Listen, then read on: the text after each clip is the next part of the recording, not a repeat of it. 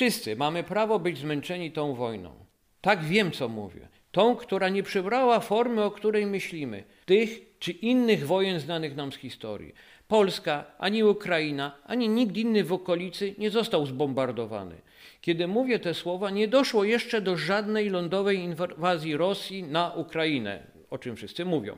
Pytanie, czy ta pierwsza miała taki zamiar, pozostaje otwarte, bo historia ciągle się toczy.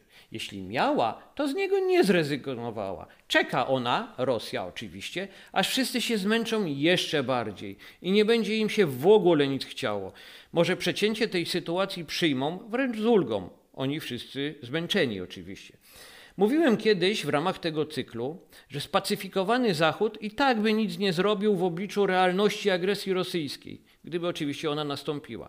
Tak przed nią, jak i po niej dalej prowadziłby rozmowy i negocjacje, głównie w sprawie pokoju, a przy okazji gazu i ropy bojąc się o swoje drobne lub większe interesiki. Być może więc Rosja czeka na skrajne zmęczenie i zniechęcenie. Może na razie chce zająć, formalnie inkorporować albo jakoś inaczej przyłączyć do swojej strefy, jeszcze bardziej do, przyłączyć Donieck i Ługańsk. Tak naprawdę dzisiaj nie o tym chcę mówić.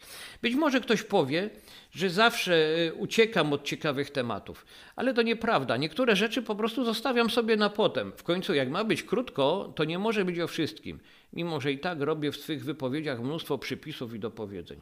No tak, skoro jakby upomniałem sam siebie owymi zarzutami o przypisy, to wracam szybko do tego, co sobie na dziś wyznaczyłem. A więc do wojny, która jak powiedziałem, ma prawo nas zmęczyć. Chodzi mi o tą wojnę informacyjną. Od tego się już słuchacz potencjalny dowiedział. Wojna dzieje się w sferze informacji. To, co tutaj się wyprawia, czyni nas zmęczonymi. Do sieci dopięci jesteśmy na trwałe. Przyglądamy, przeglądamy doniesienia agencyjne, będąc wszędzie. Niepokoimy się, rozróżniamy z byle powodu. Dla przykładu, przeczytałem w internecie taki oto tytuł newsa, związany właśnie z sytuacją na Ukrainie. Róbcie zapasy a obok niego był drugi w rodzaju Wojna może wybuchnąć w każdej chwili. Po kliknięciu w tekst o konieczności właśnie robienia zapasów doczytałem, że był to apel ambasady jednego z krajów Zachodu do swych obywateli, którzy nie opuścili Ukrainy.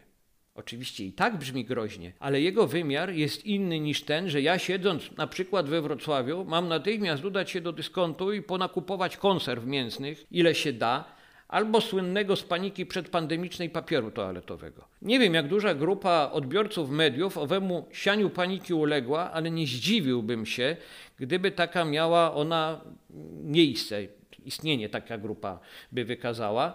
Wskazują na to, to niekiedy pustojeżdżające półki z konserwami właśnie. Tak, co dzień bombardowani jesteśmy doniesieniami w rodzaju, że taki to ataki wywiad wywnioskował na podstawie zebranych danych, że wojna wybuchnie właśnie lada chwila. Albo może wybuchnąć w każdym momencie. Z tego rodzaju tekstami nawet polemizować nie ma jak, bo wiadomo, że przy różnych nasyceniach napięć rzeczywiście coś takiego w każdym momencie może się wydarzyć.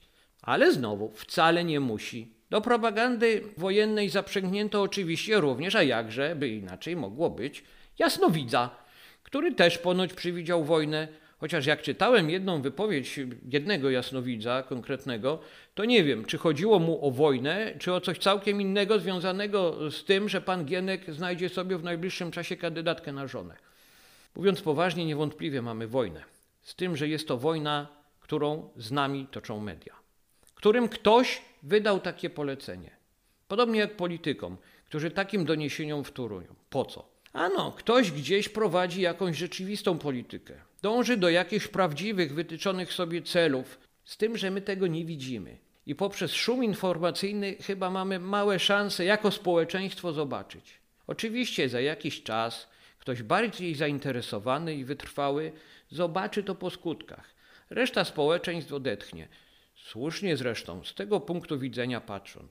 Odetchnie, że nic się nie stało, że nic z nieszczęść, o których uczyliśmy się na lekcjach historii, się nie wydarzyło, że możemy dalej żyć spokojnie.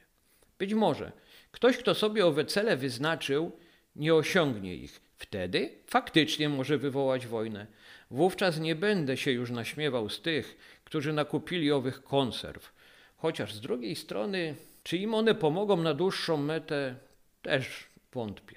Jak zwykle za krótko, a przy tym wyjątkowo pesymistycznie mówił do Was Piotr Sutowicz.